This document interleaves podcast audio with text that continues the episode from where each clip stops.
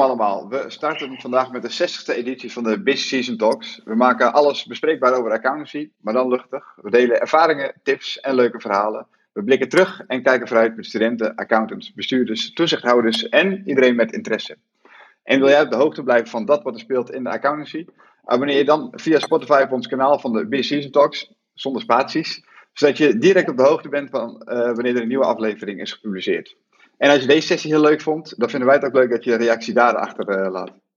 Vorige week stond de toekomst van de accountancy opleiding centraal. En de uitspraak van Koen Bongers dat de opleiding echt heel goed is, maar dat we misschien ook wel een beetje heel veel doen. Waarbij werd gerefereerd aan communicatie, regels, verbanden, ethiek, psychologie, nog los van onze basiswerkzaamheden. Dat is mij zeker bijgebleven. En het is mooi om te horen dat een aantal gasten uh, hebben meegedaan aan de interactieve sessies van het project Stip aan de Horizon. Om tot een blauwdruk te komen van de accountantsopleiding die toekomstbestendig studeerbaar, aantrekkelijk en kwalitatief hoogwaardig is. En dan naar vandaag. Zoals gezegd, editie 60 waar we het gaan hebben over relatiemanagement tussen de accountant en de MKB-ondernemer en de ontwikkeling in het MKB. Uh, en als we het over MKB hebben, dan hebben we het niet alleen over de controle, maar juist ook over de samenstel en de adviesdiscipline. Vandaag zal de sessie worden afgetrapt uh, door Alex Muzikaal en zal Mark de actualiteiten bespreken. En tijdens ons gesprek zal de chat geopend blijven en heb je de mogelijkheid om mee te praten. En steek in dat geval ook even je digitale hand op. Arif, mag ik jou vragen om te starten met introduceren van onze gasten? Zeker. Uh, sessie 60 zei je, Leo. Dan moest ik wel even, even nadenken van wow, uh, inderdaad 60 sessies uh, Business Season Talks. het lijkt alsof we gewoon gisteren waren gestart. En ja, geweldig om nu de 60ste sessie samen met Niels, Jan-Pieter en Rob uh, te mogen hosten. Um, nou ja, om uh, hen kort te introduceren, Niels uh, van Nieuw Amerongen. Niels is hoogleraar en waarschijnlijk verantwoordelijk voor de accountieopleiding aan Nijrode. En is directeur-eigenaar van VNA Audit Consultancy en Training. Um, verder hebben we Jan-Pieter Boot. Jan-Pieter is voorzitter van het bestuur van Ruitenburg Adviseurs en Accountants. En is een ja, zo te zien op de foto. En uh, tot slot hebben we Rob Batenburg. En Rob is uh, partner bij Van Velzen uh, Accountants en Adviseurs. Um, ja, welkom alle drie. we gaan vandaag het hebben over de MKB en de ontwikkelingen binnen, binnen het MKB en hoe, hoe prachtig MKB is. maar voordat we ja, met, met het onderwerp gaan starten, hebben we altijd natuurlijk Alex die zijn muzikale inbreng zal, zal geven. Alex, the floor is yours. Dankjewel, uh, dankjewel. Uh, goedenavond. Uh, vanavond gaat het over het MKB. We zeggen vaak het MKB, alsof het één koepelbegrip is. Maar er zijn zoveel smaken in focus, type, omvang. en daarnaast verandert het MKB ook. En zien we ontwikkelingen in de markt, waaronder fusies, overnames en, en ook groter wordende accountantskantoren. Versus hoe het lang geleden was. dat deed me denken aan het volgende nummer. Thuis heb ik nog een aanzichtkaart waarop een kerk, een kar met paard, een slagerij heeft van de Ven.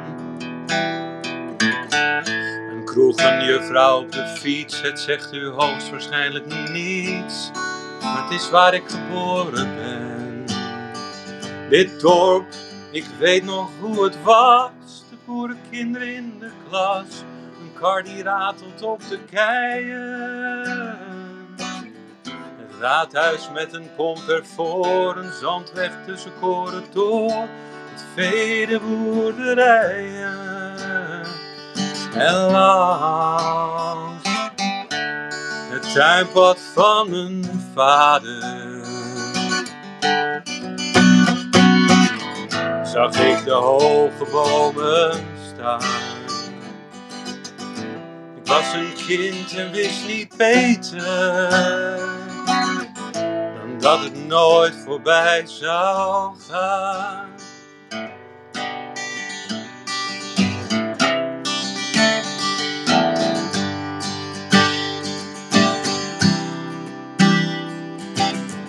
Wat leefde ze eenvoudig toen in simpele huizen tussen groen, boerenbloemen en een heg.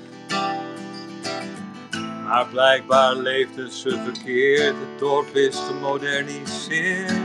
En nou zijn ze op de goede weg. Ziet hoe rijk het leven is. Ze zien de televisiequiz en wonen in betonnen dozen.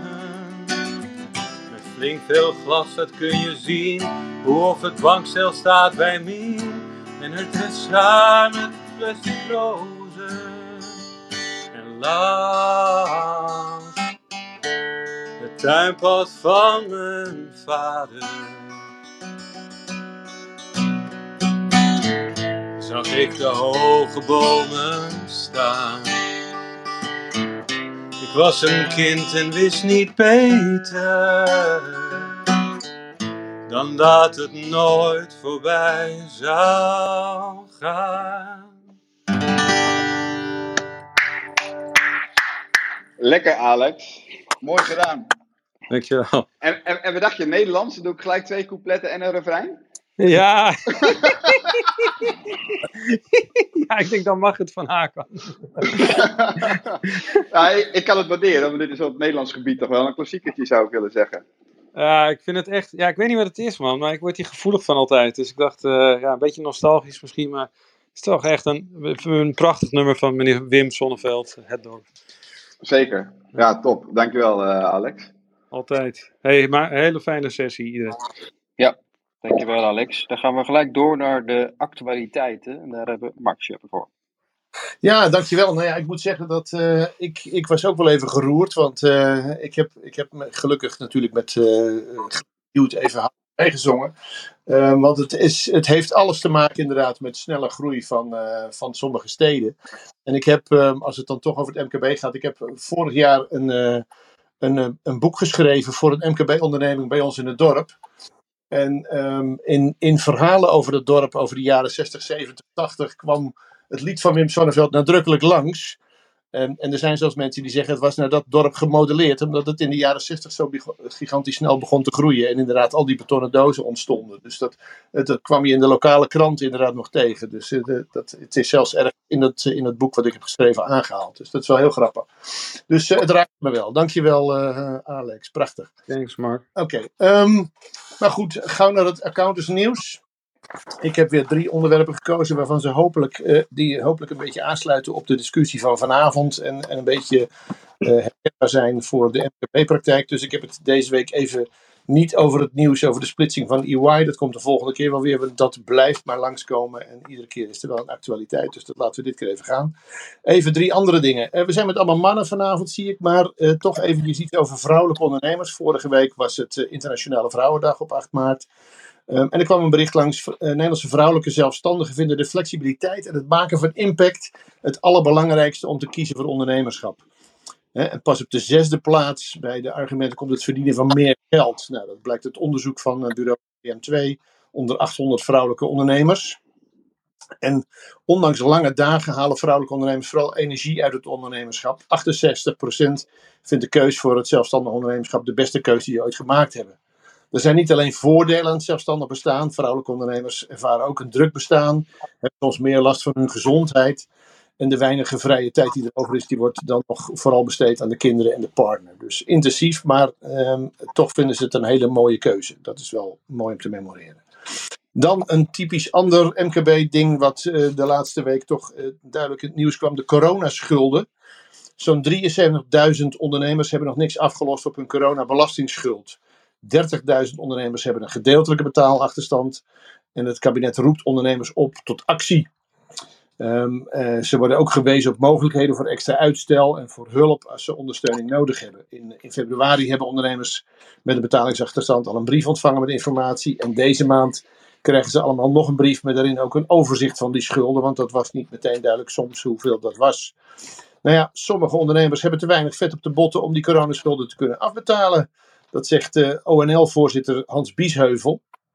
En die vreest vooral dat bijvoorbeeld in sectoren als de horeca en de detailhandel misschien wel tienduizenden een kopje onder kunnen gaan. Nou, we hebben tijdens de coronajaren heel weinig faillissementen gehad, maar er lijkt misschien toch wel een soort inhaalslag langs te kunnen komen de komende tijd. Dus dat is wel zorgwekkend. Nou, als het dan over zorgwekkend gaat, dan moet ik toch eventjes ook memoreren, en dat is wel iets verder van huis, maar misschien toch ook weer niet. De bankencrisis.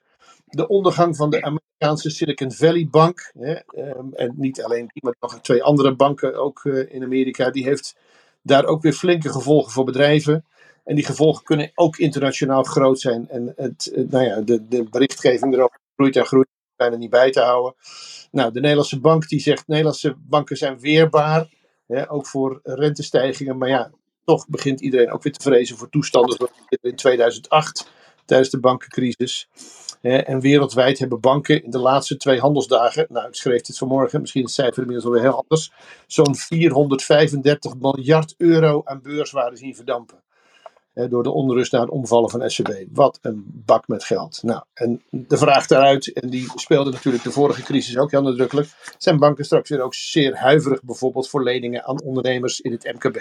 We wachten het af, het gaat razendsnel, het is pas een paar dagen aan de gang en toch schrijven de grote media bijna over niks anders meer. Dus uh, kijken wat dat wordt in de, in de komende periode. Maar het, het, maakt onrustig, laat ik het zo zeggen. Dat was mijn nieuws. Dankjewel, Mark. Ja, om gelijk met dat laatste te beginnen. Um, ja, Jan-Pieter, hoe, hoe, lees jij dat laatste artikel over, over de bankcrisis? En de, denk je dat banken uh, huiverig zullen zijn om leningen te verstrekken aan ondernemers in het MKB? Ja, ik heb er geen bijzonder uh, verstand van, maar ik sprak van de week toevallig een aantal uh, vermogensbeleggers uh, uit Londen. En daar was dit ook een van de belangrijkste onderwerpen die werden besproken. En zij hebben, net als vele anderen, geprobeerd de, deze crisisstand te analyseren. En ze geven aan dat in ieder geval de, de oorzaken hiervan fundamenteel anders zijn dan wat er in 2008 allemaal gebeurde. En dat ze mhm. eigenlijk um, geen kettingreactie verwachten, en zoals dat toen wel gebeurde. En dus zij zaten er in die zin wel uh, anders in dan, uh, dan destijds. En ja, ik zeg, ik, ik, ik, heb er, ik heb er geen verstand. Ik denk dat het in die zin ook wel meevalt. Hè. Het is niet een, een soort bubbel, denk ik, dat er gebeurt. Maar ja, ik, ik, ik, ik, weet er onvoldoende van om er, om er echt iets van te vinden. En ik vind het fijn dat, dat de mensen die daar wel verstand van hebben, in ieder geval er heel ontspannen in zitten en denken dat het wel, wel mee zal vallen. In ieder geval niet direct de Nederlandse economie of de Nederlandse banken laat staan dan de Nederlandse MKB gaat raken. Ja, ja dankjewel Jan-Pieter. Hoe kijk jij hier tegenaan, uh, Rob? Um, vooral ook zeg maar, de relatie richting, richting het MKB. Um, zal, zal dat enige impact hebben? Of, of, en, en, waarom zou dat, zou dat impact hebben op de MKB-bedrijven? Nou, ik denk niet dat het op, uh, op dit moment heel snel acuut een, een impact zal hebben. Uh, het is sowieso al dat uh, MKB-ondernemers op dit moment al heel veel moeite hebben om bij banken gewoon een reguliere financiering te kunnen, te kunnen krijgen. En dat is nu al een aantal jaren aan de gang. Het wordt steeds lastiger. Je ziet steeds vaker dat er uh, gestapeld gefinancierd moet worden. Hè? Dus naast de bank uh, met factoring of met leasing of welke andere vormen dan van financiering te werken. Ja. Ehm, dit gaat niet een heel acuut gevolg hebben. Maar um, de, de hoeveelheid compliance die er nu al vanuit de banken bij het MKB neergelegd wordt, ja, dat is, dat is, uh, dat, dat, dat, is enorm. En ik ben wel bang dat er nu nog meer compliance ontstaat, die uiteindelijk wel bij de banken in Nederland ook doorgevoerd gaat worden, waar we nog meer last van gaan krijgen. Ja, dus meer regel, eh, regeldruk, zeg je.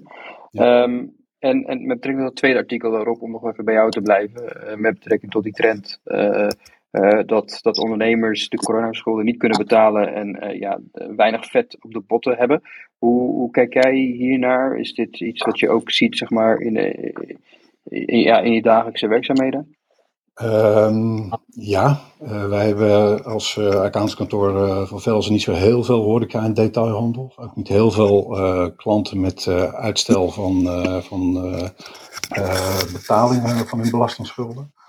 Uh, maar daar waar het zien, dus, ben ik ook wel bang dat het uitstel van executie is. Het is toch al heel lang dat uh, die bedrijven het al lastig hadden. Ja. Uh, door de corona helemaal op achterstand zijn gekomen. En als het voor corona al niet een vetpot was, hoe, hoe ga je dat dan de jaren daarna wel dusdanig veel meer vet creëren dat je die schuldenberg die je opgebouwd hebt wel terug kan betalen. Dus ik ben wel zie daar wel, zeker in bepaalde sectoren, hè, wat ons Bies uh, vanzelf ook zegt, uh, zie ik daar problemen ontstaan. Ja. ja.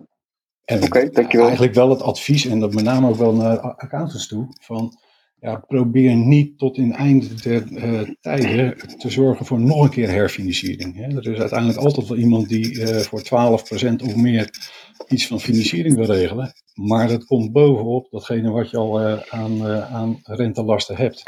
En als het al niet te betalen is, wordt het alleen maar lastiger. Het is uitstel van executie. En ja. Misschien is een zachte landing een van de scenario's die ook onderzocht moet worden bij heel veel van deze, van deze klanten.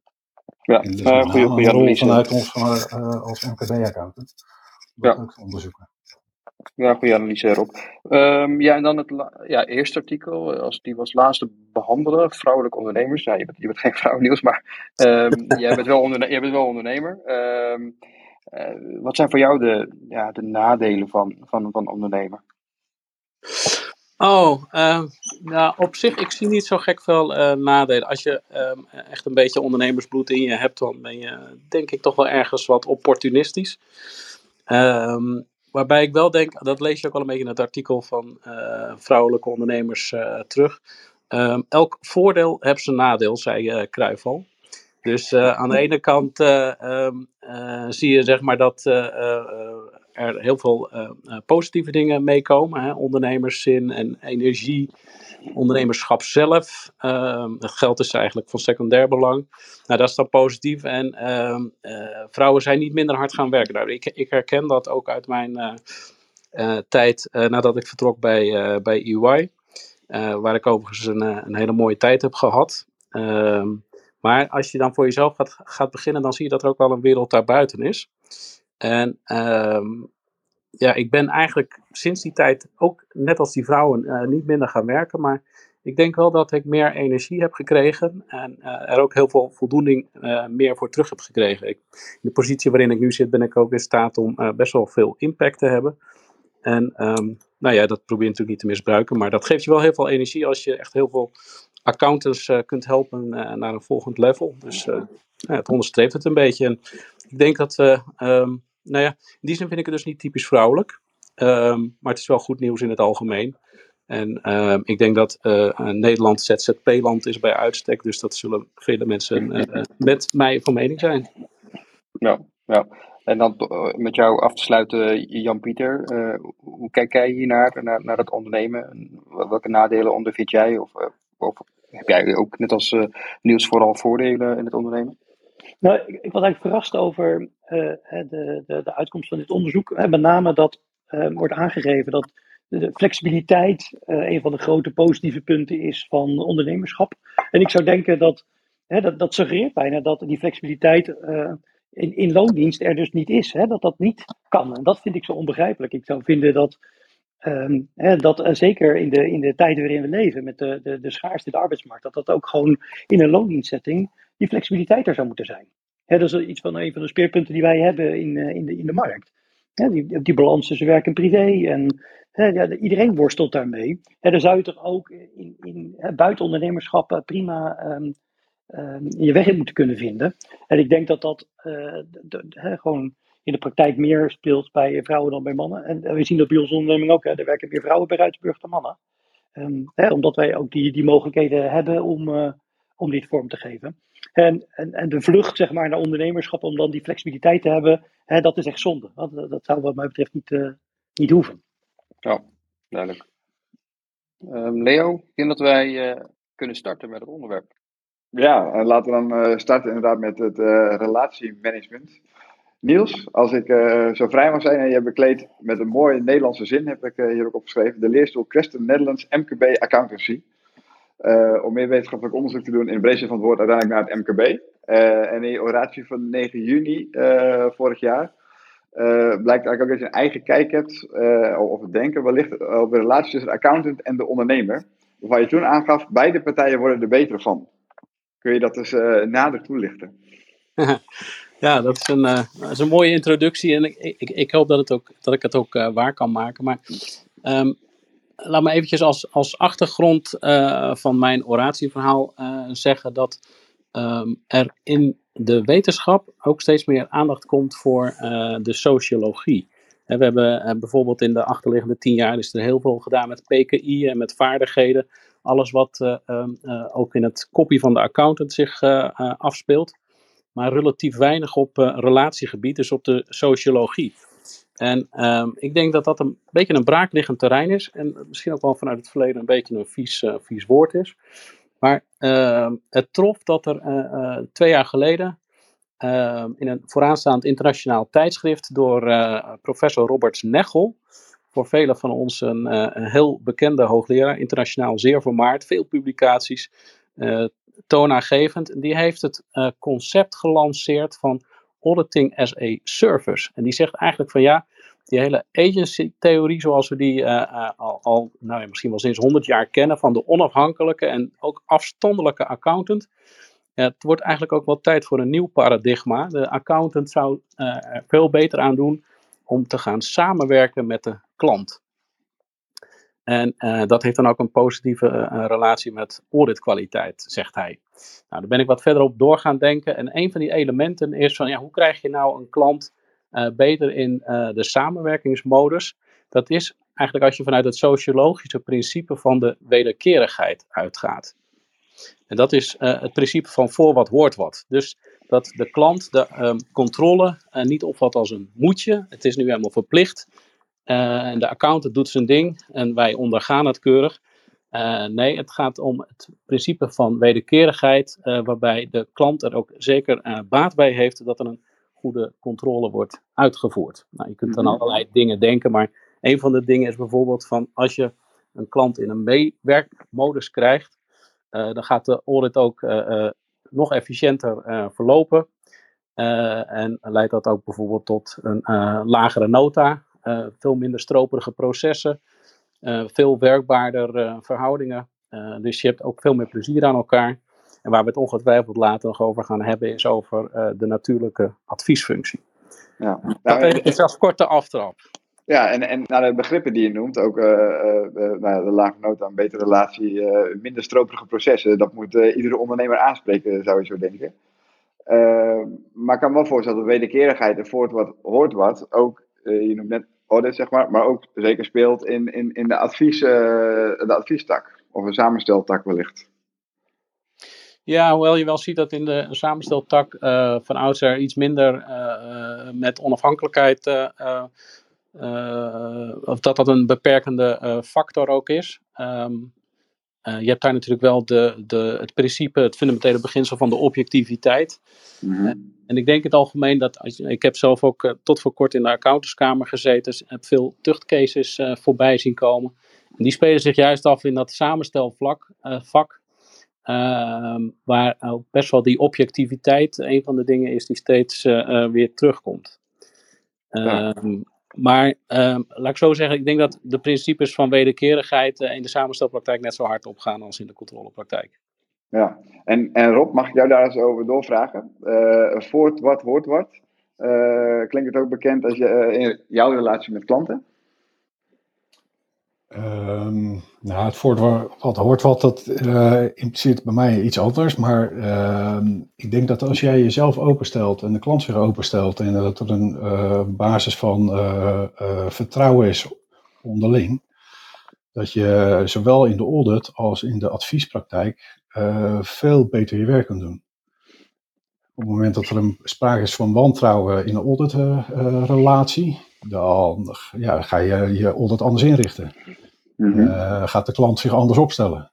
Op het moment dat er sprake is van uh, vertrouwen in, uh, in de adviesrelatie, weet je wat de klant wil. Je weet zijn strategie. Je kunt daar dus zeg maar ook je, je ongevraagd advies, waar heel veel klanten graag voor willen betalen. Hè? Dus dat verwachten van een accountant. Ja, ik, ik wil niet alleen een jaarrekening, ik wil ook dat je het ongevraagd advies komt. Dat kan pas op het moment dat je weet wat er bij die klant speelt. Dat je een vertrouwensrelatie met elkaar hebt. En uh, ik weet niet of je dat uh, wederkerigheid moet noemen. Maar het gaat met name om uh, ja, een stuk openheid naar elkaar toe. Ja, heb je een, een, mooi voorbeeld wellicht van een succesvolle samenwerking met een, met een klant? Oh, ik heb heel veel voorbeelden. jeetje. Ehm, ja, dat, dat, dat, dat gaat over uh, uh, als, je, als, je, als je mensen echt goed kent en weet dat zij op een gegeven moment op hun tenen lopen met, het, uh, met de bedrijfsvoering, kinderen te jong zijn om het over te nemen. En dat je dan met elkaar naar een oplossing kan werken. Dat de kinderen wel in de toekomst in het bedrijf kunnen doorgroeien. Maar dat er een, zeg maar een soort tussenpauze, een, een interim directie uh, aangesteld wordt. Waarin je ehm, zeg maar de, de, de continuïteit van het bedrijf garandeert. de familie het bedrijf behoudt en de kinderen hun kansen behouden om, om binnen het bedrijf in te groeien. Ehm, dan heb je ehm, ja, een enorm waarde toegevoegd bij je, bij je klant. Dat is dan een adviesklant, een samenstelklant. Uh, maar op het moment dat je daar één keer per jaar komt voor een jaarrekening of een fiscale aangifte, ja, dan, dan weet je dat niet. En ik denk dat je op het moment dat je je klanten goed kent, ook die vragen kan beantwoorden. Ja, ja en, en Niels, als je één keer per jaar bij je, je klant langskomt, daar vind jij vast wat van. ja, nou, daar, daar vind ik wat van. En ik vind ook, zeg maar, maar dan ga ik heel eventjes toch naar de controlesetting terug. Ik vind er ook wat van, als je even los van coronatijden, waarin je uh, beperkingen hebt uh, gehad om bij je klant over de vloer te komen. Maar ik vind, het, vind er ook, ook wat van als je uh, de controle op afstand uitvoert. Hè. Je moet gewoon eigenlijk gewoon regelmatig in het bedrijf van de klant gewoon rondlopen, daar de sfeer opsnuiven. Zien wat er gaande is en ook vooral uh, ter plekke fysiek proberen een relatie op te bouwen. En, ja, maar, ja, want dit, fysiek werkt dat beter dan, dan achter een scherm. Ja, zeker, zeker. Het heeft een opbouwende werking, hè, dus je kunt daarmee gewoon werken, werken aan een relatie. Maar het heeft ook een soort van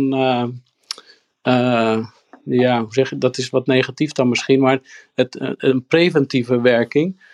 Dus als, als ze de accountant regelmatig langs zien komen, dan uh, weten ze ook, die is er ook. mm-hmm. dus uh, als, als, ze nooit een accountant zien, en dat zie je bijvoorbeeld ook wel eens in een aantal, aantal tuchtcases waar je ook bijvoorbeeld meerdere aandeelhouders hebt. En je hebt niet met, met alle aandeelhouders regelmatig gesprekken ja, dan kan het maar zo zijn dat je ook de band met één of meerdere van de opdrachtgevers ook, ook weer, weer verliest. Dus ja, je moet er gewoon zijn. Dat is eigenlijk het uh, verhaal. Ja, en Jan-Pieter?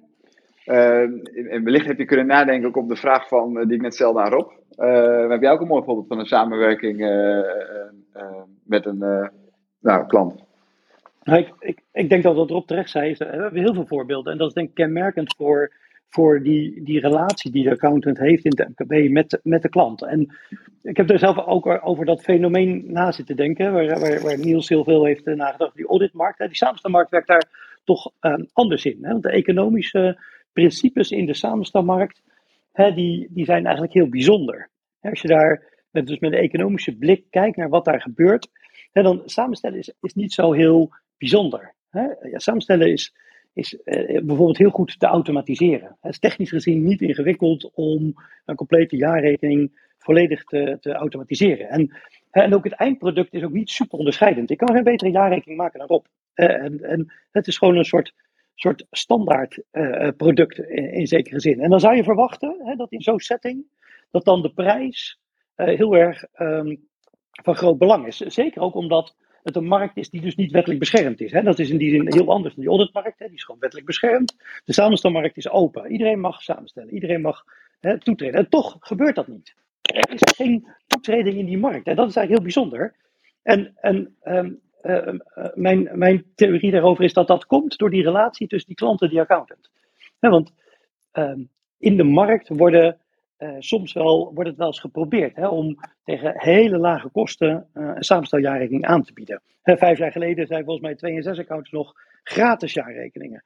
Dan zou je toch denken dat klanten daar toch heel gevoelig voor zijn. Hè? Gratis jaarrekening klinkt toch als een fantastische aanbieding. En toch, mm -hmm. hè, oh, zij zitten ook bij ons in de buurt, er is geen klant overgestapt. Hè, als je de jaarrekening van 62 bekijkt, dan zie je dat ook terug daarin. Hè, ze zijn er helemaal niet succesvol. En hoe komt dat nou? Hè? Dat zit natuurlijk in die, in die relatie. Hè? Dus waar, waar dat misschien voor de audit, wat die afstandelijkheid en dan natuurlijk door de regelgeving ook meer ingegeven is, hè? De, zie je dat in, in, in die samenstelrelatie, in die adviesrelatie, is die, is die band er eigenlijk altijd. En die is heel sterk en die is, die is super um, bepalend in de economische principes. Hè. Ik vertaal het naar economisch principe. Hè, de prijselasticiteit in de samenstelmarkt is nagenoeg nul. Dat is echt heel laag. Hè, dus maar is het, maar zeg je dan eigenlijk dat de jaarrekening een soort product is om met elkaar in gesprek te komen? Want als accountant Ja, ook in een samenstelafdeling heb je natuurlijk wel wat eh, verplichtingen.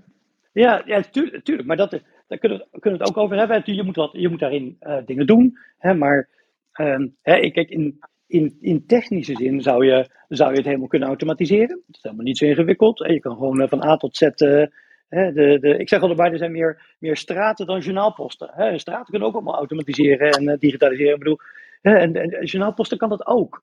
En, en ja, je moet als accountant dingen doen. Nou, dat, dat, dat, moet je doen. Maar uiteindelijk zou je dan kunnen zeggen dat één uur van een accountant kan je een samensteljaarrekening mee maken. De economische waarde uh, 300 euro. En toch gebeurt dat niet.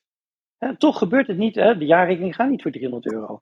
Uh, en, en die jaarrekeningen, hè, de, ook onze klanten betalen daar uh, meer voor. En wij moeten weer werkzaamheden doen. En we worden niet afgestraft in die markt. Hè. Er is geen toetreder die zegt, nou, hè, ik ga nu uh, ik ga nu die markt helemaal veranderen door dat compleet te automatiseren. Ik, ik maar, ligt dat, ja? maar ligt dat ook niet aan, aan, aan, aan een soort full-service dienstverlening die je doet, zeg maar? Want je doet vaak niet alleen de jaarrekening, maar je doet ook fiscale uh, advisering en dergelijke. Het is die relatie. Het is die relatie die, die je hebt met die klant, waar dat vertrouwen in zit. En dat is echt een ijzersterk wapen. We hebben geen, geen wettelijk monopolie in die samenstelmarkt, maar doordat hè, we juist in staat zijn, doordat door, de, door het imago van die accountant, maar ook hè, die MKB-accountants zijn er ook gewoon heel goed toe in staat hè, om zo'n relatie op te bouwen met, uh, met hun klanten. En, en dat, is, dat is echt een, dat is ijzersterk in, in, de, in de marktpositie die we hebben daar zo.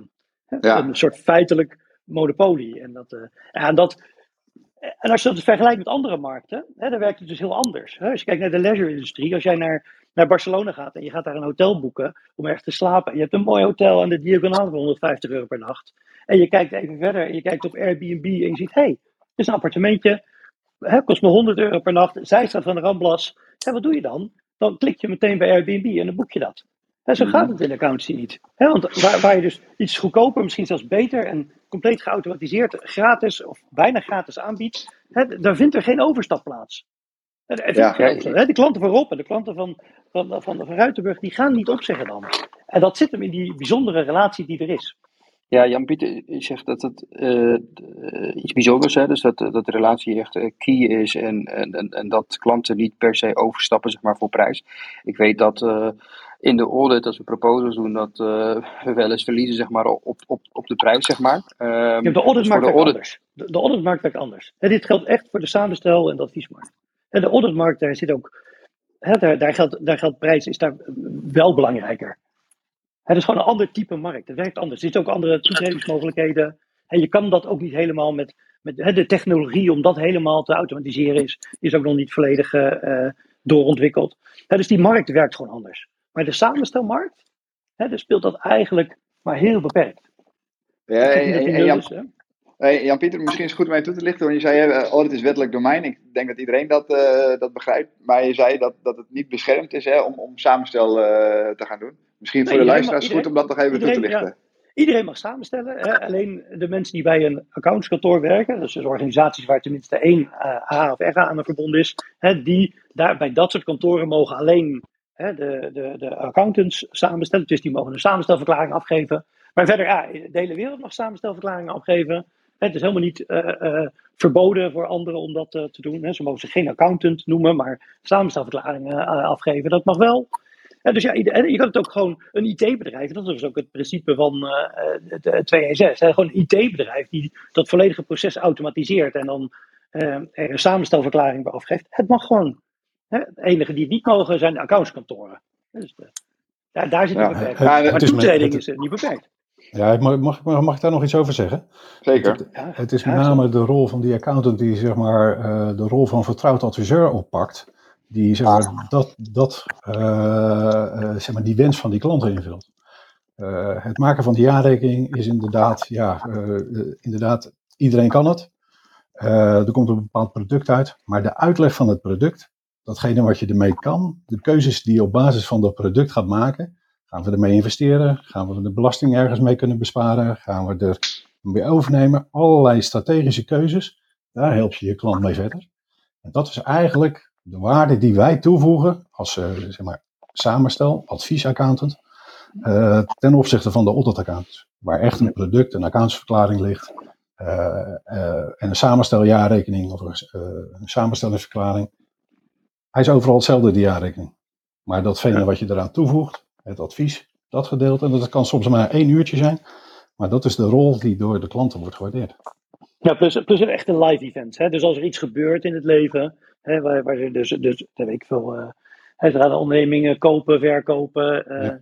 uh, trouwen, scheiden. Gewoon belangrijke momenten in het leven van een ondernemer. Hè, als je er daar bent, hè, dan, hè, dan, dan, um, dan, dan zijn ze klant. En dan zijn ze echt klanten en dan, dan, dan bouw je die relatie op. Hè? Op de goede momenten er staan. En dat gaat niet ja. over de jaarrekening. Ja, en, en, en daarover gesproken, dat is mooi uh, misschien om het even uh, te koppelen aan de vraag van Benjamin van der Kwaak, bekende van ons in de, in de, in de chat. En die wil ik graag stellen aan Niels, ook in combinatie met wat, wat Rob net zei over het vertrouwen versus wantrouwen van, uh, van klanten, als accountant zijnde. Maar Benjamin schrijft, ik kan me voorstellen dat een controleerd accountant een band wil met zijn klant, maar wil de klant ook een band met zijn controleerd accountant?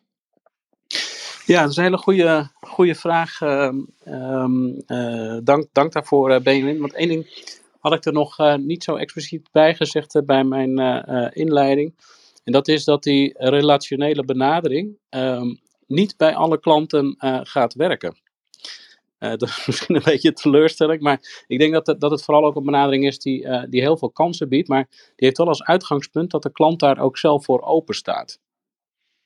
Dus er zijn uh, eigenlijk, als je een beetje vanuit de marketing kijkt, dan heb je onderscheid tussen een uh, ja, relationele dienstverlening, maar het kan ook transactioneel zijn. En als het meer transactioneel zijn, is, is, dan ja, heb je dan een andere relatie dan als je echt een, een persoonlijke relatie met je klant probeert op te bouwen. En het is heel, heel legitiem, iedereen, iedereen zit toch weer op zijn eigen manier in elkaar. En zijn klanten bij die zeggen, nou ja, weet je, voor mij is die controle inderdaad een moetje of...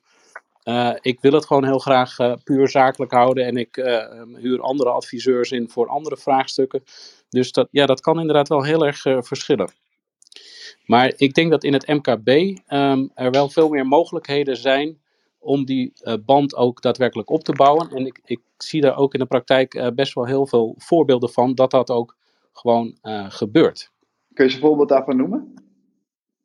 Nou, la, laat ik bijvoorbeeld het. Er, er, zijn bepaalde kantoren, die zal ik niet met name noemen, maar die hebben als onderscheidend kenmerk uh, van hun hele controleportefeuille bijvoorbeeld dat er bijna allemaal klanten zijn die al 30, 40 jaar klant zijn.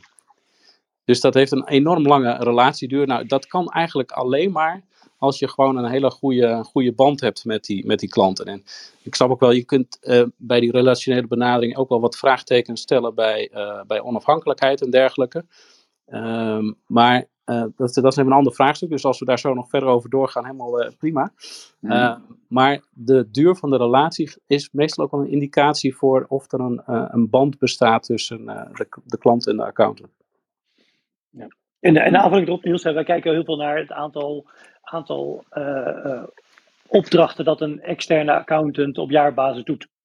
Ja, dus als je er, als je er 100 doet, ja, dan, ja, dan, hè, dat is dan gewoon een ander type relatie die je dan met je klant hebt dan wanneer je er 30 doet. Ja. En, dat, en, en, en label je dat dan of zo, uh, Jan-Pieter? Hoe, hoe werkt dat dan in de praktijk? Ja, nou, ik kijk, probeer wel eens marktcijfers te achterhalen. Hè, hoeveel, uh, hoeveel opdrachten er dan per externe accountant worden gedaan. Dat zijn allemaal op zich publieke cijfers. Um, ik heb dat niet voor de hele markt gedaan, maar het, valt, hè, het viel mij bij, bij, die analyse toen op. Ik heb dat niet heel recent gedaan, maar een tijdje geleden gedaan. En daar, daar viel me op dat wij dus relatief weinig opdrachten per externe accountant hebben. En dat past ook bij onze filosofie, die heel erg in lijn is met wat Niels zegt. He, mm -hmm. dat je, je moet er gewoon zijn. Je moet er gewoon daar rondlopen en voelen. Dat gebeurt er van alles in zo'n klantrelatie. En dat, is, um, he, dat, kan, alleen maar, dat kan alleen maar goed zijn. He, de, de, de kwaliteit is, is natuurlijk, het moet altijd goed zijn. En die onafhankelijkheid, daar moet je uh, over hebben. Maar uiteindelijk, als je die relatie met die klant hebt, dan, dan, uh, dan, dan kun je ook veel meer uh, oplossen met elkaar. En dan kom je tot een, uiteindelijk een veel betere uitkomst dan, dan wanneer je alleen maar een, een, een, middag langskomt voor een lunch en, en een handtekening. Gechargeerd. Mooi. Ja, als die, als die lunch er al bij zit.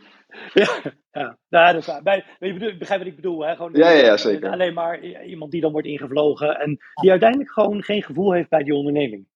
Mm -hmm. en, en, en, dat, uh... ja, en Niels, is er vanuit de wetenschap al iets bekend over uh, hoe vaak je normaal gesproken zeg maar, contact uh, met elkaar zou moeten hebben? Nee, dat is wel een hele, hele goede vraag. Ehm, ehm, wat ik al zei is van die sociologie, dat is echt een heel nieuw domein in de wetenschap. En uh, de, uh, de focus op het MKB.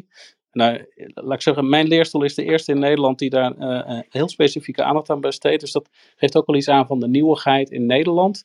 Maar wereldwijd is dat ook altijd een beetje een ondergeschoven domein geweest. Dus de hele markt van de OOB's en uh, van de Big Four, die, die hebben eigenlijk altijd uh, centraal gestaan. Dus je ziet nu, ja, sinds een jaar of vijf tot tien zie je langzamerhand wat, wat onderzoeken verschijnen die gaan over het MKB en die ook gaan over de relatie de, met de klanten. over wat de verwachtingen zijn en dat soort van dingen meer. Um, een, van die onderzoeken is bijvoorbeeld uh, van uh, uh, Herda en Lavelle. En die, die hebben het ook eens dus over, ja, waar, zoeken de klanten nu precies de toegevoegde waarde in? En ja, dat verschilt ook weer per klant. Dus het is ook belangrijk om heel goed zicht te krijgen op wat de, wat de klant precies wil. En bij de ene klant, ja, die heeft meer aandacht, meer behoefte aan bijvoorbeeld kwartaalgesprekken. Uh, een ander die uh, vindt twee keer per jaar genoeg. Een andere weer die vindt het uh, elke maand fijn. Mm -hmm. dus dat, dat, dat, is ook klant, klantafhankelijk hoe je dat invult. Het is altijd maatwerk. Ja, en, en, en net had je het ook over de duur. Hè, dat er bepaalde klanten wellicht 30, 40 jaar bij accountants zitten. Ja. nou, zo lang ben ik nog niet eens op deze aarde rond, zeg maar. Dus dat vind ik een hele lange periode. Moet elkaar heel goed kennen. Ik hoop dat je dan ook veel informatie naar boven kan halen. Ja. Maar op een gegeven moment, zeker in de audit, kan dat wel je, je, je onafhankelijkheid in het geding uh, brengen. Ja, nou, misschien een kleine anekdote. Uh, vat het niet op als, als roddelen, maar als positief praten. Ja. Uh, ik heb, Alex weet dat misschien nog wel, maar ik heb bij EY gewerkt. en de, de, het grootste deel van mijn tijd in de MKB-controlepraktijk, maar ook nog twee jaar in financial services. En ik heb daar gewerkt voor de partner Jan Helderman. Uh, Jan Helderman is ook een vroegere NBA-voorzitter geweest. En, uh, maar die zat op dat moment uh, misschien al wel als partner iets van 20, 30 jaar op een OOB-klant. Dat was nog voor de roulatietermijnen van kracht werden. kort daarna zijn die ook wel ingevoerd. Maar ik kan me bijna geen accountant voorstellen die meer klantkennis heeft gehad dan hij op zo'n groot account. Ik zal de naam van het account niet noemen, maar uh, uh, het is wel degelijk mogelijk om uh, ja, het, het, het, goede met het aangename te verenigen, denk ik. Ja, ja, ja. Maar het is ook, dat is wel natuurlijk het, het verhaal. We hebben niet voor niets ook onafhankelijkheidsregels gekregen. En je moet je daarbij baseren van hoe kijkt een, een derde naar dit soort van dingen. Dus ja, bij een lange relatie heb je gewoon soms naar de buitenwacht wel wat meer uit te, leggen. En uiteraard in, in combinatie met compliance uh, uh, leidt dat al snel tot een bedreiging. En um, zul je ook wel maatregelen moeten treffen. En als je het hebt over die, die maatregelen, ja, dan kun je natuurlijk ook OKB's en dergelijke doen. Maar ik vind eigenlijk vooral van belang dat je actief met het onderwerp relatiemanagement aan de slag gaat. En daar ook met de klant gewoon open over spreekt over ben je nog voldoende fris en wat doe je eraan om jezelf fris te houden. En uh, nou, dat, ja. dat soort van dingen. Nou, misschien, misschien, misschien is dat laatste een hele mooie vraag, Rob. Want ik zag dat jij ook al een tijdje uh, werkzaam bent bij het huidige kantoor. Uh, heb je ook al klanten waar je zo lang over de vloer komt? Ja, ja. Ik heb, ik heb... Hoe, hoe, hoe, hoe zorg jij ervoor dat je die relatie zuiver houdt? Um... Nou, ik ben inmiddels uit de auditpraktijk, dus daar, uh, daar, uh, dat uh, heb ik bij Deloitte heel lang gedaan en daarna bij Van Vels ook nog een tijdje. Maar mijn, mijn ambitie lag toch echt meer bij het vertrouwd adviseurschap. En mm-hmm. ja, eigenlijk, ja, ons kwaliteitssysteem is dusdanig wel gewaarborgd dat we bij veel zaken twee accountants betrekken. Zeker op het moment dat als ik erger lang betrokken ben bij, bij een relatie, dan uh, ja, consulteer ik een, uh, een van mijn collega's.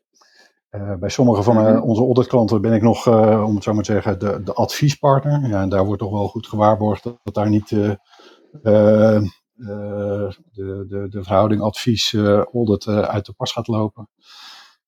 en afgelopen jaar hebben we van een van mijn mooiste klanten helaas wel afscheid genomen. Op, op deze, om deze reden. Ik, daar ben ik betrokken geweest bij de oprichting. nu na tien jaar is het echt een bijzonder mooi groot bedrijf geworden, controleplichtig. Ja, daar zat ik zo diep in de familieadvisering en raad van adviesrol. En dat, dat, dat was niet meer te combineren. Dus we hebben eigenlijk toen de klanten de, de keus gegeven van, ehm, ja, wat wil je? Wil je dat Rob die rol blijft houden van adviseur? Of wil je de audit blijven doen? Dat we die blijven doen. Mm -hmm. en ja, gelukkig voor mij hebben ze toen voor mij gekozen. Maar uh, uiteindelijk hebben we de audit dus aan de andere kantoor over gedaan.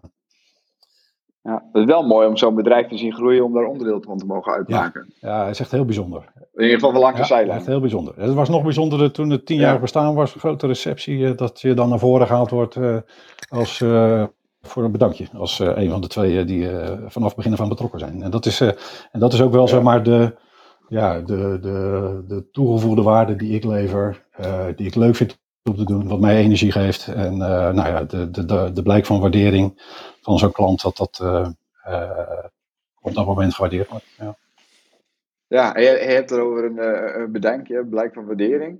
heb je daar voor jezelf ook, misschien eens op schrift, maar wel in je hoofd, wat je wel of niet accepteert ook van klanten om je positie zuiver te houden? Nou, Want net nog weer een paar technische elementen, zeg maar, maar ik kan me voorstellen dat je zelf ook nog een paar gedachten daarbij hebt. Ja, ja, nou, tot voor een paar jaar geleden dacht ik daar eigenlijk niet zo goed over na. Dat, en nou gebeurt het ook niet dat je voor ieder etentje, uh, of de continu voor een etentje wordt uitgenodigd of, of iets dergelijks.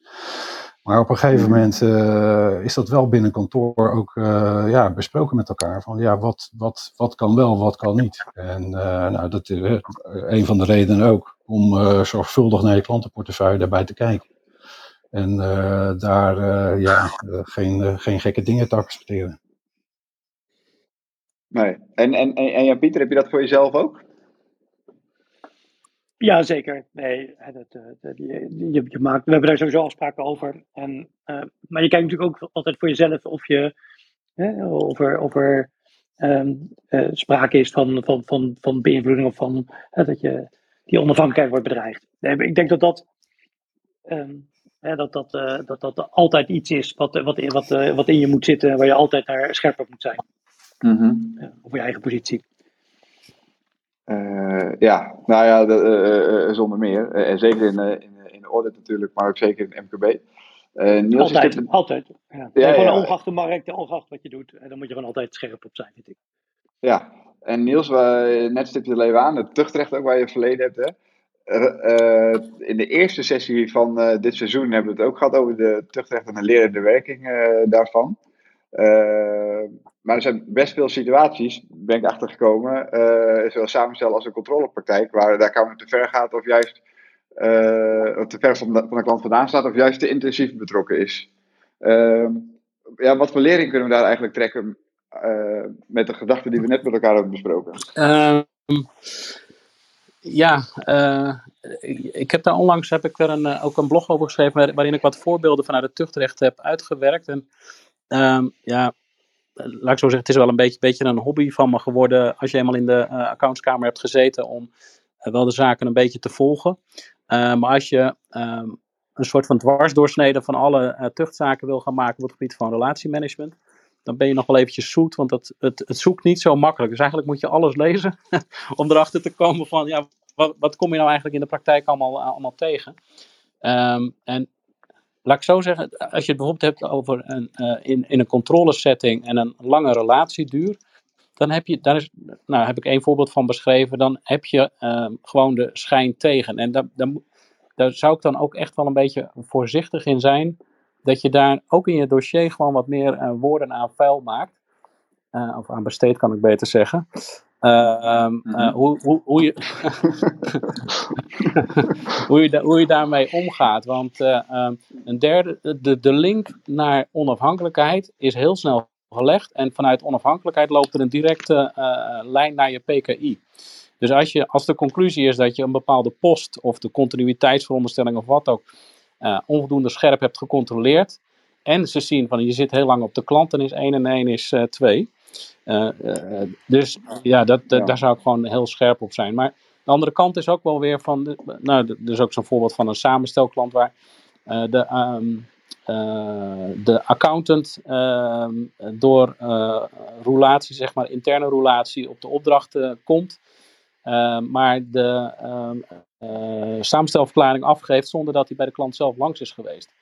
Ja, dan, mm -hmm. Terwijl er op dat moment ook wel significante aangelegenheden speelden. Dus ja, eigenlijk zegt de tuchtrechter dan ook: ja, maar wacht eens even. Je, je moet er gewoon wel zijn. Je, als, zeker als de dingen spelen, ja, dan moet je er gewoon zijn. Ook in een samenstelsetting.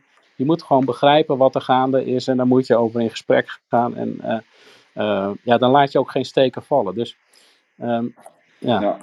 uiteindelijk helpt dat dus ook een betere nou, dat... dienstverlening uh, als je er bent. Dat is een beetje de, het eigen. Ja, nou, en een paar elementen die je dan noemt, PKI, maar ook de communicatie die hier net ook al voorbij komt en, en relatiemanagement, zeg maar. Dat waren ook een paar aspecten. Maken we weer even verwijzing naar de sessie van vorige week, waar het ook ging over accountsopleiding, waar het ook ging over soft controls de, de, en de zachtere kant van ons, uh, van ons werk. Dus ik zie daar best nog wel uh, kansen, zeg maar, dat we hier ook beter in worden als accountant uh, straks. Ja, ja, zeker. Arif? Ja, top. Nou, wat een mooi, mooi onderwerp, Leo. ja, dat is uh, natuurlijk adviesfunctie en, en, en, de, en, de, relatie met de klant. Uh, ik weet niet wanneer ik voor het laatst een bedankje heb gehad van de, van de klant op basis van mijn werkzaamheden. Maar er speelt ook andere dingen in de, in de, in de MKB. Um, ja, er is bijna nou, de, vooral de afgelopen periode uh, is sprake geweest van private equity. Uh, doet zijn intrede in het MKB. Uh, je ziet fusies. Ehm, en ik denk dat dit allemaal onder andere te maken hebben met de arbeidsmarktproblematiek. Jan-Pieter, hoe, hoe, kijk jij hier tegenaan? heb je al een private equity kantoor die heeft aangeklopt bij jullie? Of, of zijn er fusiegesprekken die, die plaatsvinden? Ja, ja en ja. Um, en natuurlijk, uh, private klopt overal aan. En het uh, ontzettend interessant om met ze te praten. Ze kijken heel mooi naar de markt. Um, maar ja, ik, stel ze altijd de vraag: uh, welk probleem lossen ze op? ze komen toch met een, met een bepaald doel. En ik, ik, probeer dan te bedenken: ja, wat, wat zouden ze voor ons kunnen betekenen? Welk issue is er? Maar daar komen we meestal niet zo lekker uit. Hè, dus we zijn daar niet in uh, geïnteresseerd. En fusies wel. Hè. Al in, uh, in 2019 hebben wij uh, de, de focus compleet op de, op de arbeidsmarkt gelegd. En Niels, jij was erbij. Hè, dus je weet het strategisch plan wat daar, wat daar, wat daar lag, was gericht op één ding. Namelijk um, fusie. Hè, want, autonome groei, dat gaat gewoon niet hard genoeg om je positie in de arbeidsmarkt te, te versterken. En, en, dus moet je gewoon maar één ding doen en dat is fuseren.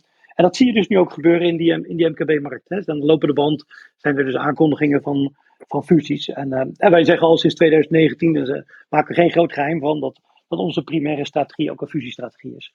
Uh, dus, en, ja, en daar zijn we mee bezig. En dit puur om het arbeidsmarktproblematiek op te lossen.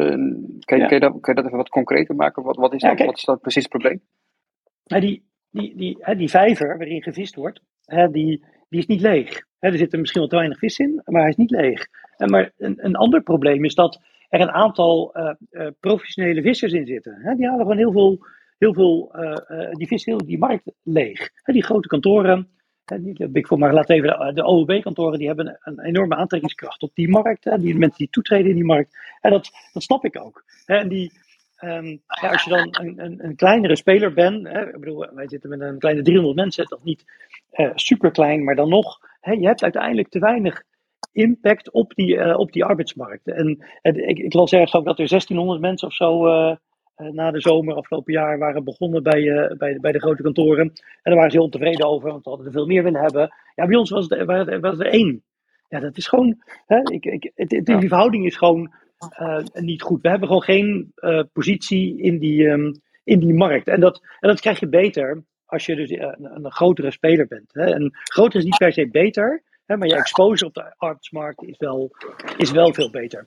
En, ja, dat is voor ons echt de, de, de, de, een belangrijke reden om, um, om, om te kiezen voor die fusiestrategie. In, uh, en, dat, en dat doen meer kantoren, weet ik. Ja, ja zeker. Um, maar daar gaat ook natuurlijk gepaard met bepaalde risico's. Als je zou gaan fuseren, Jan Bieder, in, in hoeverre uh, wordt daar rekening mee gehouden? Want ik uh, heb ooit een keer een boek gelezen tussen ABN en AMRO, geloof ik. De fusie tussen ABN en AMRO. Ik begreep dat ze ze, ze hadden tegen elkaar gezegd van nou, we gaan een cadeautje kopen voor 7,50. En, en toen uh, um, nou, ging, AB, ging uit een bedrijfsfeestje dus waar ze bij elkaar zouden gaan komen. En dat was heel grappig, want toen uh, dus alle, um, zeg dat, alle medewerkers van ABN zouden een, een, een, een, een cadeautje kopen voor, voor, voor, voor AMRO en, en, andersom ook. Maar ze hadden elkaar zo verkeerd begrepen dat ze dus echt de ene voor 7,50 euro een cadeautje hadden gekocht en de andere voor 750 euro. Uh, dus ik kan uh, me ook wel voorstellen dat er ja, veel cultuurverschillen zullen zijn. Hoe, hoe, kijk, je, hoe kijk je daarnaar? Ja, het gaat uiteindelijk om de selectie. We hebben de afgelopen jaren ongeveer vier, vier, vier fusies, denk ik, gedaan. En die zijn alle vier gewoon geslaagd. En je moet, de, ik ken ook die statistieken, hè, dus dat, dit, dit, dit is, dit is niet de, de, de, de, de, marktgemiddelde. Ja, we, hebben ook als, als, als bestuur ook de opdracht om vooral te kijken naar die cultuur. Je kan wel een compleet andere cultuur proberen in één organisatie um, uh, uh, te brengen. Met, met, met de cultuur die wij hebben. Ja, dat, dat gaat gewoon niet. Hè? Dat gaat gewoon mis. En daar moet je gewoon naar kijken. En, en ik vind het zelf wel mooi dat dat, dat, dat wordt bewaakt. Hè? We vinden dat iets, iets moois voor elkaar opgebouwd. En um, wat we dan zoeken in, in de fusiepartners, dat moet wel het is nooit helemaal hetzelfde. Hè? Je moet altijd uh, daar concessies in doen. Maar het, mag niet te ver af liggen. Hè? De cultuur moet wel, er moet wel een culturele match zijn. Wil je komen tot een succesvolle fusie. Ja, ja, eens.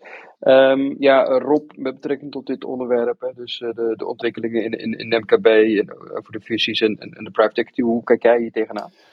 Um, nou, ik zie het niet zozeer vanuit uh, zeg maar werknemers proberen aan te trekken. ik denk dat er zat nieuwe collega's kunnen zijn en die kiezen of voor een grote organisatie of voor een kleinere organisatie of voor de organisatie die bij hen past. Ik weet dat de grote, de Big Four zijn ook uitermate hard op zoek naar mensen. Iedere organisatie is hard op zoek naar mensen. Er is een tekort. Dat weten we met elkaar. Ik denk niet dat het oplost, eh, de oplossing is om dan maar te fuseren en te fuseren. Uh, wat wel een uitdaging is, vind ik gewoon de enorme overkill aan compliance uh, die, uh, die over ons afgeworpen wordt, gedelegeerd wordt vanuit de overheid. daarin, ja, dat, dat, schiet door. en daarvan is wel de vraag in hoeverre kun je als kleine organisatie dat in stand houden. En ik denk dat wij daar wel zoekende zijn naar oplossingen in vorm van samenwerking, uh, netwerken, waarin we met name in de auditpraktijk kunnen kijken of we daar gezamenlijk compliance, gezamenlijk OKB's, ga zo maar door, allemaal kunnen, kunnen organiseren. In plaats van dat we alles, alles zelf moeten doen. ja, wat, gaat mag, ik daar, mag, mag, ik daar eventjes op ingaan, uh, Rob ook? Want ja. eigenlijk snij je hier nu ook een facet aan wat in die fusies uh, wel een specifiek element ook is. Want je kunt dus, zoals Jan-Pieter zegt, ook fuseren met andere kantoren. En dat je eigenlijk één wordt. Um, maar er zijn dus ook andere, andere vormen um, waarbij je dus wel um, gebruik maakt van schaalgrootte.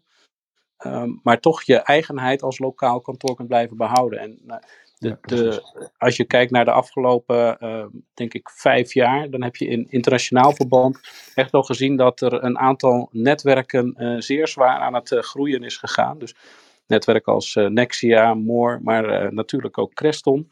Ja. die hebben echt gewoon internationaal gewoon hun vleugels uitgeslagen. En die doen heel veel dingen samen. En daardoor kun je dus ook, nou ja, uh, kennis bijvoorbeeld uh, delen met, uh, met, met trainingen of op compliance gebieden. dus ik, ik denk dat dat ook wel een, een, een mogelijkheid is om daar ook, ook invulling aan te geven. Ja, toevallig hebben wij ons vorige week aangesloten bij Creston. Dus, dat, oh ja, wat toevallig. nou, wat je aansnijdt, nieuws, dat, dat, dat herken ik wel, zeg maar. aangesloten bij Moore, zeg maar. Ja. Dus ja, uh, trainingen worden meer samen, je kijkt meer naar je compliance stelsel, dat soort dingen. Dus daar zit echt wel een toegevoegde waarde, uh, denk ik. Uh, ja. Als, als, ik ook even naar de tijd kijk. zie ik ook nog oh, wel zeg maar, de, de, het andere, de toenemende vraag naar accountantsdiensten. Dat, dat, dat zien wij ook wel heel sterk toenemen. niet vanuit, alleen vanuit de overheid met NOW-regelgeving, of maar ook er komt steeds meer vraag naar subsidies, financieringsadvies. Waarderingstrajecten, de WOA, wat ook steeds een belangrijker onderdeel gaat worden waar we bij betrokken worden. Um, en ook dat vraagt om meer handjes. Maar dat kunnen we ook invullen met niet per se accountancy op uh, mensen uit de accountancyopleiding. Ook daarin kunnen zeg maar, bedrijfseconomen, bedrijfskundigen uh, tot en met IT'ers een plek vinden. En dat is ook wel waar we met name naar kijken om zeg maar, die krapte op die arbeidsmarkt in te kunnen vullen. Ja, dus dan ga je in die bijna lege vijver van Jan Pieter, ga je ook nog in een andere vijver vissen. Ja. Heel goed. Heel goed. Nou, als, dat, dat ook werkt uh, en daardoor ook, uh, uh, ja, hoe zeg je dat, het, het, leuk blijft houden, zeg maar, ook voor, voor potentiële studenten en mensen die geïnteresseerd zijn in de accountancy. Want het is toch een accountantsbranche waar je dan alsnog in zit. ja, dat is alleen maar goed, denk ik. Dat alleen maar enthousiast kunnen blijven worden. Ja, precies kijk ook even naar de tijd. Inmiddels is het 1 minuut over 9 op mijn klokje. Ik heb nog een hele mooie vraag van uh, Annette in de uh, chat. Die ik eigenlijk aan alle drie de gasten dadelijk uh, wil stellen. en die luidt als volgt. Wat zien de sprekers als grote risico? Te veel vertrouwdheid of te weinig kennis van de klant door de inzet van wisselende jonge teams? En Niels, als ik jou daarmee mag laten aftrappen? Ja, ik ben uh, vrij uitgesproken uh, voor een groter risico met wisselende jonge teams. Sowieso is het nu een arbeidsmarktvraagstuk. maar ehm, klanten die kunnen de jonge nieuwe assistenten van alles op de mouw spelden. Er zijn ook heel veel voorbeelden voor. Dus ik, ehm, ik, dat is echt een heel groot risico.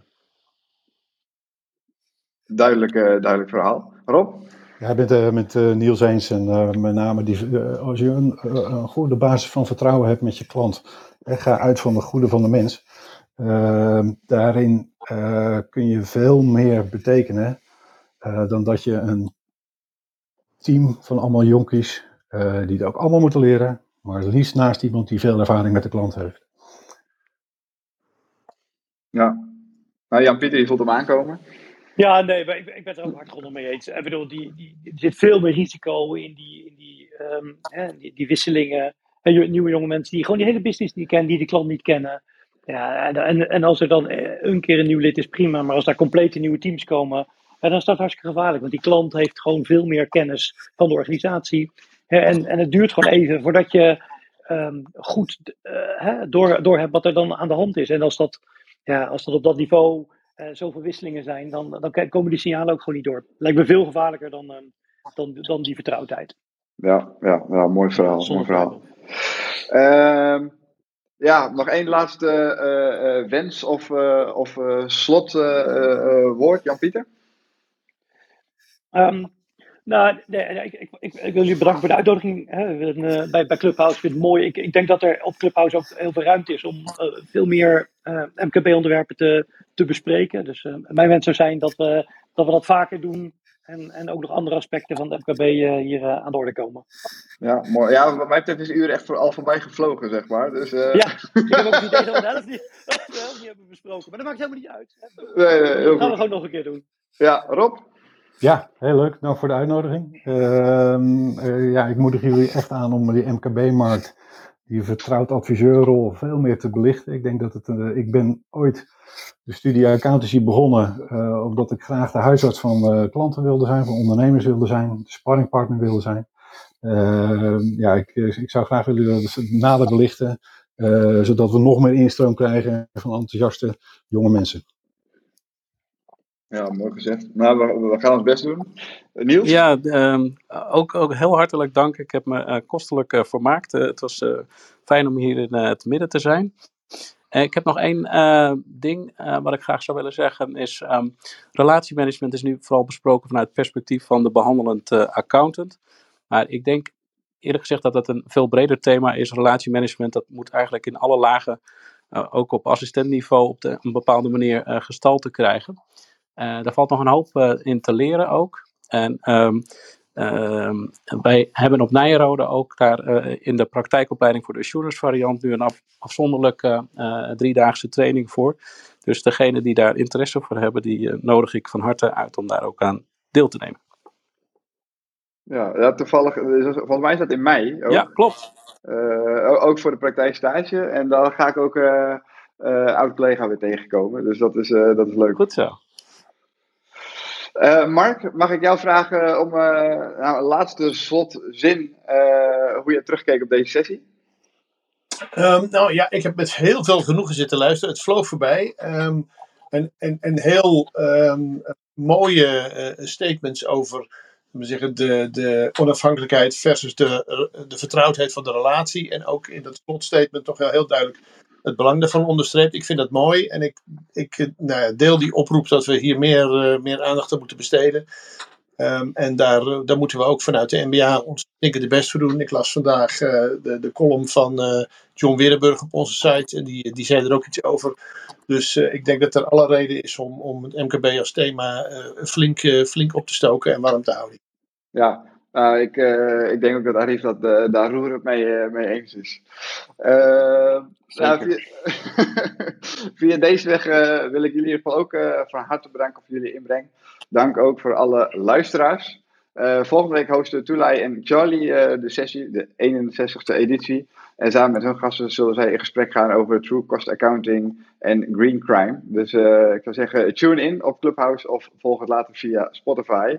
En via deze weg ook dan uh, heel graag tot volgende week. Hartstikke goed. Tot volgende week. Dankjewel. Dankjewel. Fijne avond. Dankjewel. Hoi, hoi.